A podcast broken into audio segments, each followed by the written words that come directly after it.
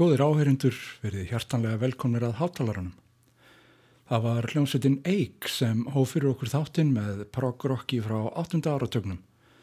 Þetta lag Tryggva Hübner heitir Í dvala og er við texta Gunnars Gunnarssonar. Tryggvi og Þorstein Magnusson voru gítarleikarar í þessari fínu hljómsveit. Hér var sungið um þjóð í dvala við nokkuð aðrar aðstæður en dvalin sem nú ríkir í samfélaginu.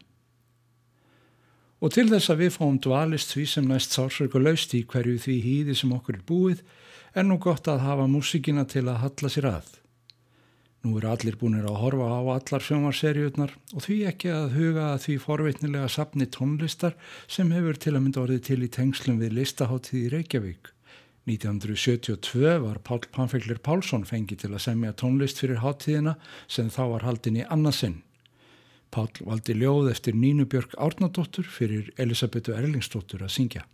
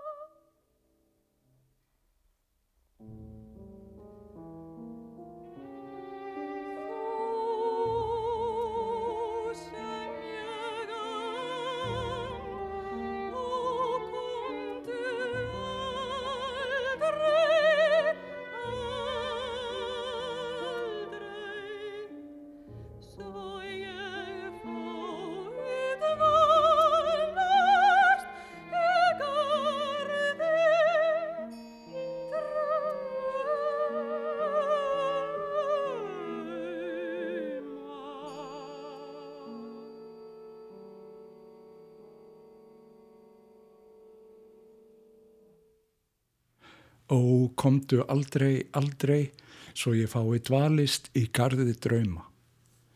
Það mætti að halda að hér væri ángistin öll tengd COVID-inu en Elisabeth Erlingsdóttir var að syngja um ángist annar tíma, ljóðið eftir Nínu Björg Árnardóttur og tónlistin eftir Pál Pánfellur Pálsson. Þetta var samið fyrir listahátti í Reykjavík 1972, fjórum árum eftir að Nína Björg gaf út ljóðabókina Undarlegt er að spyrja mennina. Í alþýðublaðinu var talað um snoturljóð og kvenlegan texta, skálkonur í nokkur í baráttu við fæðraveldi bókmentana á þessum tíma. Þessi hljóðrutun er meðal þess sem tónmeistarinn Bjarni Rúnar Bjarnason hefur gætt að því að varðveitist úr sapni Ríkisútorsins. Hér leku með Elisabethu Erlingsdóttur, sóbransöngkonu Gunnar Egilson á klarinettu, Pétur Þorvaldsson á cello, Reynir Sigursson á slagverk og Jónas Ingimundarsson á piano. Það var höfundurinn Pál Pánfeglir Pálsson sem stjórnaði. Og dvalin og hýðið er nokkuð sem verður með okkur í hátalara dagsins síðar í þessum þætti ræði við Báru Gísladóttur sem var að gefa út nýja tónlist sína fyrir kontrabassa. Þeir eru nú aldeilis verðugir fulltrúar haustsins, hinn eru lægri strengjabelgir eins og bassin og sellóið. Á þessum tíma árs gæti ég þess að spila fyrir lustundur að mistakosti eitt kabla úr strengjakvartetti Jóns Nordal frá draumi til draums. Hann var samin 1996 og Jón vísar í nöfnum kablana í ljóð Jóhans Jónssonar, Söknuð. Við heyrum lokakablan, því líkt sem komið sér haustljóð í vindin.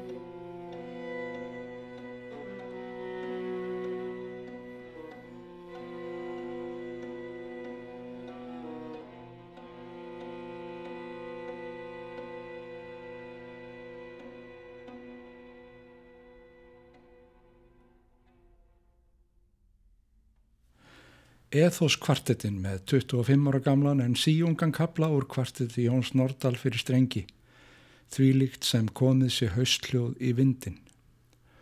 Og þeirri staðreind um haustljóðin mótmælir ekki nokkur einasta sála en gleðist einfallega meðan veturinn sjálfur blæs ekki til sóknar. Kanski dugar að syngja haustinu fallegan söng svo að það staldri við um stund við fáum Johnny Hartmann í verkið. Hljómsutin er ágæð líka.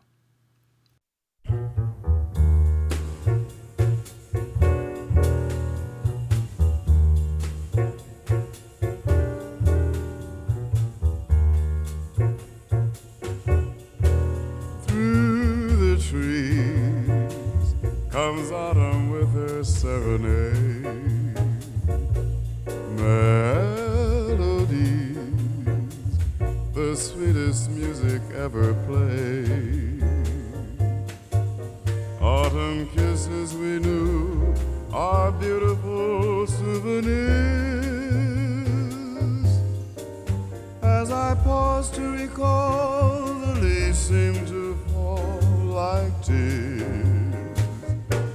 Silver stars were clinging to an autumn sky. Love was ours until October wandered by. Let the years come and go, I'll still feel the glow that time cannot fade when I hear that lovely autumn serenade.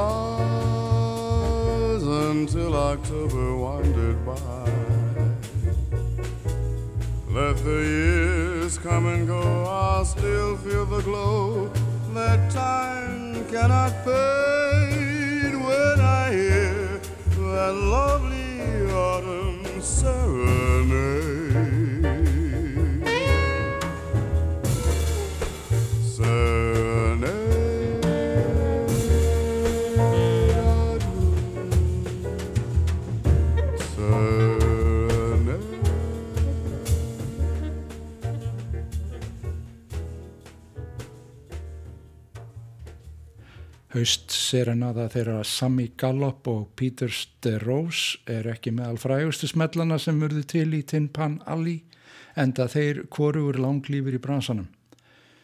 Johnny Hartmann var 60 sem var nú bara þokkalegast í líftími fyrir jazzfólkið um miðja öldina sem leið. Saxofónleikarinn John Coltrane var ekki nema færtur. En lægið með háromantíska tekstanum um haustið sem söngsi gegnum trén og ástinn dögði vel út oktober lifir þá alla, ekki síst fyrir þennan frábæra flutning.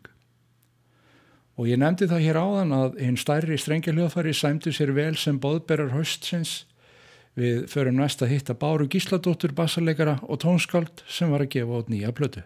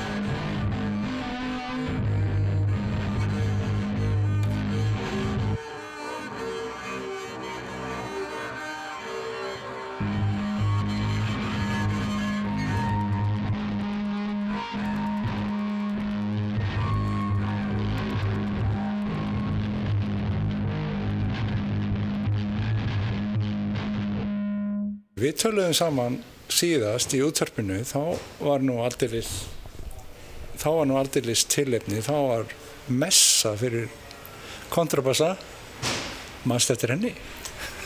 Já, rámar eitthvað í hana. Já.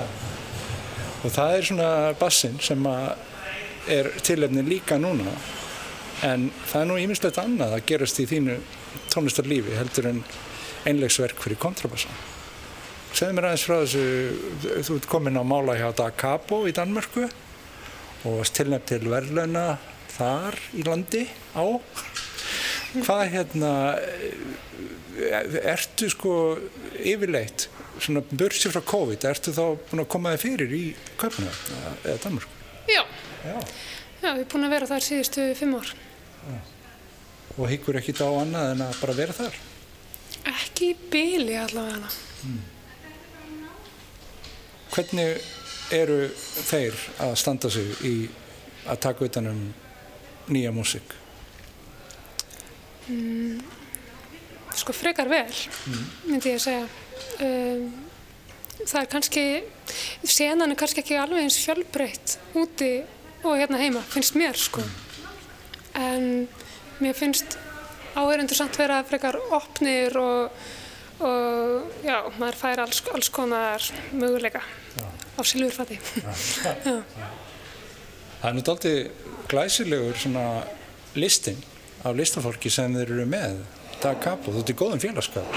Bent Sörensen og Hans Abrahamsen og, og svo náttúrulega fullt af einhverjum hljónsutum. Mm. Er þetta að opna þér einhverja leið inn í, inn í þær stofnanir, hljónsutir og hópa, Ars Nova? Mm. Um, ég bara veit það ekki alveg sko. Um, ég held að þetta sé fyrst sem, sem Da Capo um, í langan tíma allavega gefur út eitthvað sem sem getur ekki algjörlega flokkast sem svona klassísk samtíma músík. Mm. En þetta er kannski aðeins opnara opnara fórumum en, en þau hafa verið með í einhver tíma allavega. En þau vinna mjög nái með, með útgáfu eða svona tónverka miðstöð sem heitir Edition S mm -hmm. sem að ég er líka hjá og ég, ég held að það sé frekar farsælt samstarf sko. En nú eru, að þú segir, þeir eru ekki mikið að taka inn þessa tegund, svona tilröna kendari, músík getur við alveg kallað hana. Mm. Eh, hvað vakir fyrir þeim? Af því að nú eru, veit ég bara, í Danmörku er talsvert af útgáðafyrirtækjum sem eru að sinna því, svona kannski smæri forlög. Eru þeir eitthvað að higgja þeirra einhverja landvinninga? ekki, ekki ef, þau alltaf fástu þetta held ég, en En, en, en ég held samt að það sé almennt einhvern veginn eh, bara vilji hjá fólki til að opna senuna svo litið. Það er kannski búið að vera svona margt svipað í gangi undan farin ár og ára tíu. Þannig að þau eru kannski að bjóða bara fjöl, fjölbrettari hóp velkomin, finnst mér sko. Og, og veit að þau hugað núna fleiri, fleiri útgáfum sem myndur kannski teljast til aðeins me, meirum jæðarmúsíkar. Heldur þetta sé til merkis um það að sé verið að vinna fleiri áhærindur? Finn, við töluðum nú um að við ætlum ekki að tala endilega um COVID eða ástandi en maður veldir í aðeins fyrir sér hvort að sko, tónlist er að rata frekar til fólks núna þegar það hefur haft meiri tíma. Ég er alveg vissum að sko, tónlistarfólk hlustar á meiri tónlist heldur en það gerir fyrir þetta ástand. En hvernig heldur það sem er almenning?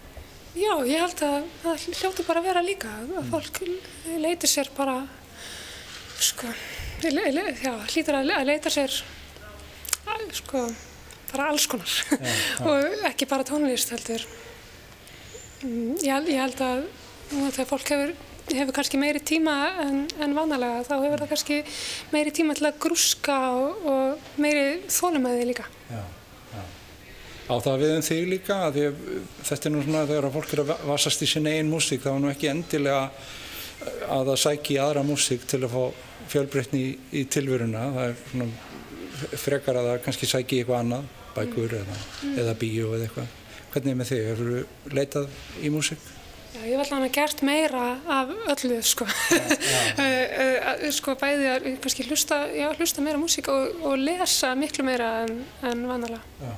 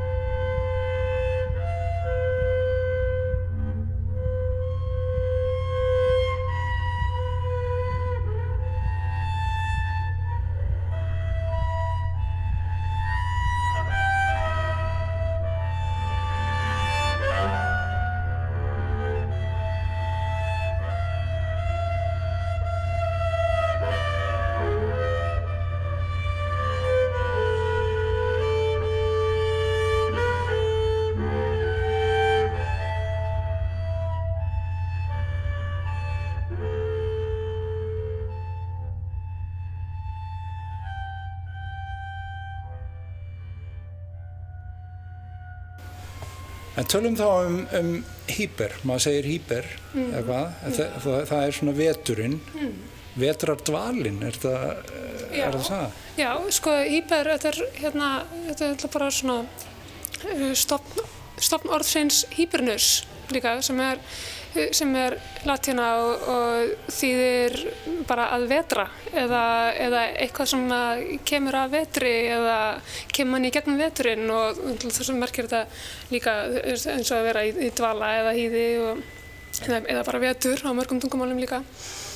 Og, og platan er sko unnin yfir kannski aðeins lengri tíma en, en ég hef gert hinga til þetta, þetta er búið að vera svona sem, eitthvað sem ég hef búin að vera að vinna í smám saman alltaf í þrjú ár mm. og er kannski svona eins konar dvali sko Já.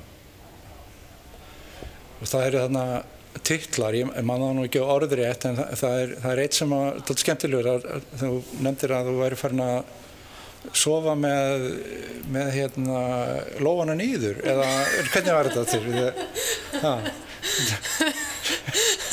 Já, einmitt, því ég fór að sofa með lóana nýður. Jú, sko einu sem svaf ég alltaf með lóana og svo, svo svaf ég með það bara nýður, sko. Og, og gastu rakið í gegnum það? Hvað, hvað allir því? Sko ekki beint en það, en það vandlega kemur einhver, það var einhver, einhver tímapunktu þar sem allt í hennu lóðunir snurru bara niður. Já. Og hvaða merkingu hefur þetta í, í lífinu?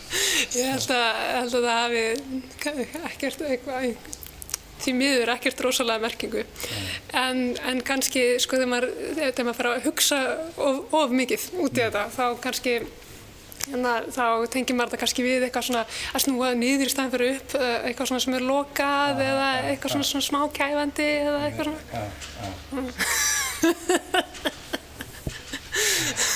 maður þarf að finna sér eitthvað til að hugsa um sko.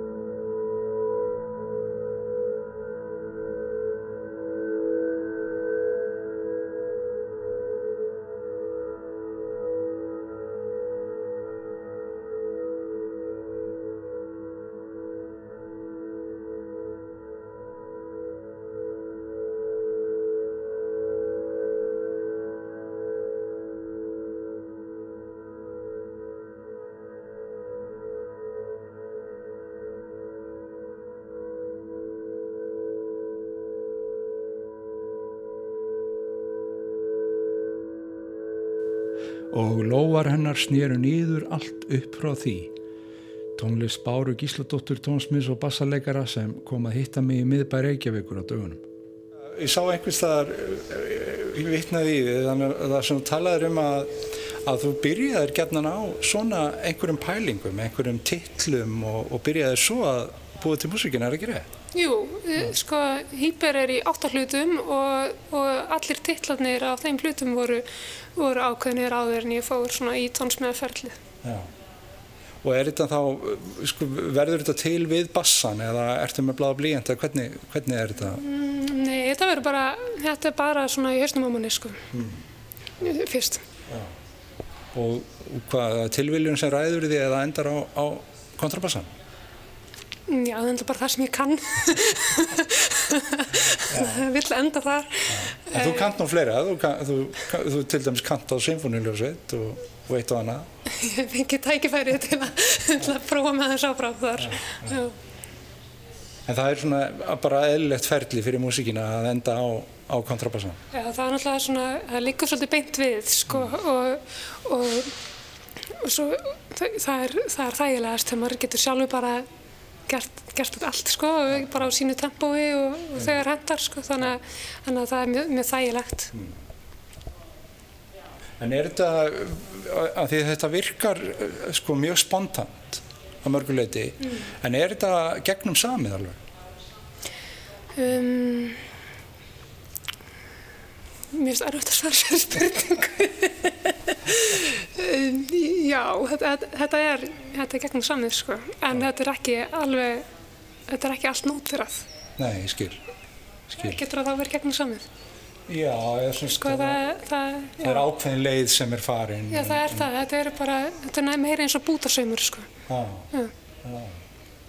Þannig að það getur, sko, sko þú, maður myndi þekkja verkið frá einum performance til annars en það getur tekið einhverjum svona smá breytingum. Já, nákvæmlega.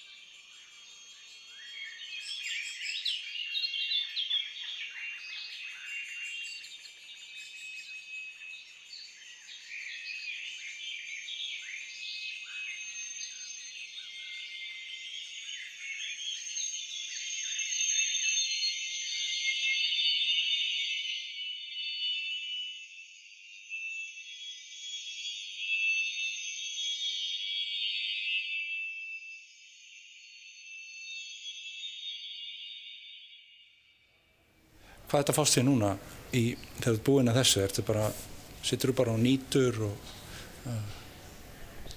Nei, já, nei. Hérna, ég, er að, ég er að fara að skila með verki fyrir danska útvarfskórin sem þau pöntu fyrir jólatónleikana sína. Lítið jólalæg fyrir, fyrir, fyrir blandaðan kór og, og mig sem einleikara. Uh, stundum nýtum maður þess, stundum ekki. Svo ertu líka með lítið bad. Já. Hvernig fer það saman við, hvernig taka lítil börn í það þegar þú ert að, að æfa til dæmis íber á, á kontrabassa? Alveg bara ótrúlega vel, sko. Það þekkja þau ekkert annað greiðin. það er kannski besti hópurinn, sko. Já, þetta er svo sannlega hópurinn sem hefur sko, minnsta fordómana. Nákvæmlega. Fyrst þér þú verða sko vörfið, verður vörfið fordóma? Þessi músík er ekki allra. Við skulum bara leggja það á borði Já, algjörlega hún er ekki í meginströmmnum Nei, Nei. sko, já, kannski ekki beint fordóma en, en svona finn náttúrulega þetta er ekki þetta er kannski eitthvað eitthvað fyrir svona alltaf bara mjög skiljanlega sko. Já, já. og það er alls ekkert einhvern veginn markmið að reyna fyrir mig að, sannfæra fólk nei, sko. nei. þetta er bara annarkort eitthvað sem mann langar að hlusta á eða ekki sko. Já. Já, þetta er nú áhugavert núna sko, koma aftur að þessum tímum ég er mikið búin að spekulir í þessu sko, hvað verður um alla þessa músík því að það eru allir, það er mjög mikið að gera hjá tónlistafólki alltaf, það vinna allir mjög mikið og það er mjög mikil framlegð sko, eins og heitir í yðnaði alls konar þannig að hvað verður um þetta allt? Verður, er músík til ef hún er ekki, ekki, er ekki einhver að hlusta á hana? Mm, já. Stuttasvarið er já. Já, já, um, já, mér finnst, ég held að sko, um leið og eitthvað er, hefur orðið í einhverjum hugarheim þá, í einhverjum hugarheimi þá, þá lítur það einhvern veginn að vera til sko, að, að einhverju leiti. En svo er hún bara til á internetinu líka. Allavega það, sem eftir er á okkar jarðlífi sko, þannig að Já, það, er, það er gott að vita af henni þar já. en já, þú meinar það er, sko, það er auðvitað ekki takt að forsera þetta enga músík ofan í fólk og, en hvað, hvað gerum við til þess að vekja aðtökli á henni því að það er nú það er eiginlega yfirþyrmandi magn til af músík mm. sko, Hver, hvernig er, er það framtíð núna eru, eru hljómblötu fyrirtækin að ná opnu sínum eins og í, í þínu tilfelli Ég held ekki sko. Uh, ég, ég held samt að það að ég held að, hérna, að það sé að það væri svona þess væri óskandi sko.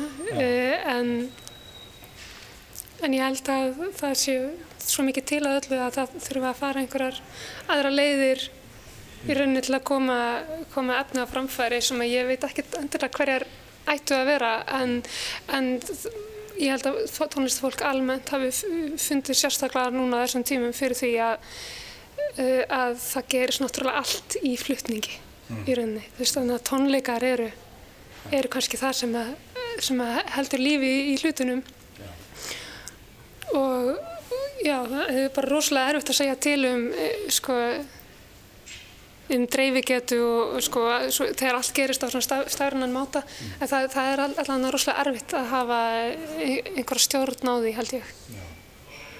Það er ekki annað hægt en að bara leggja það fram og, og leggja það í, í þennan dóm almennings annarkort ratar það til þér eða ekki Já og kannski líka bara fyrir mann sjálfan að það sé ekkert aðal atriði sko mm.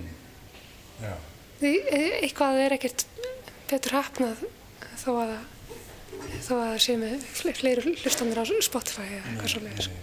Ég held að það sé mjög, hættu, að það sé mjög hættulegt að fara að reyða sig á eitthvað svoleiðis. Allan fyrir mig.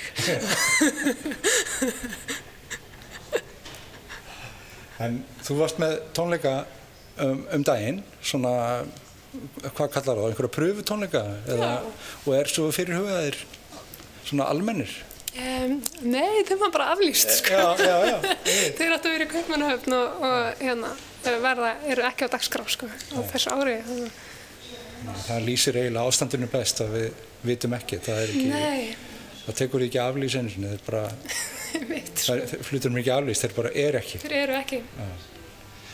Hlakka til að heyra þið spila þetta á tónleikum bara, takk fyrir spjallin Takk fyrir mig, kella.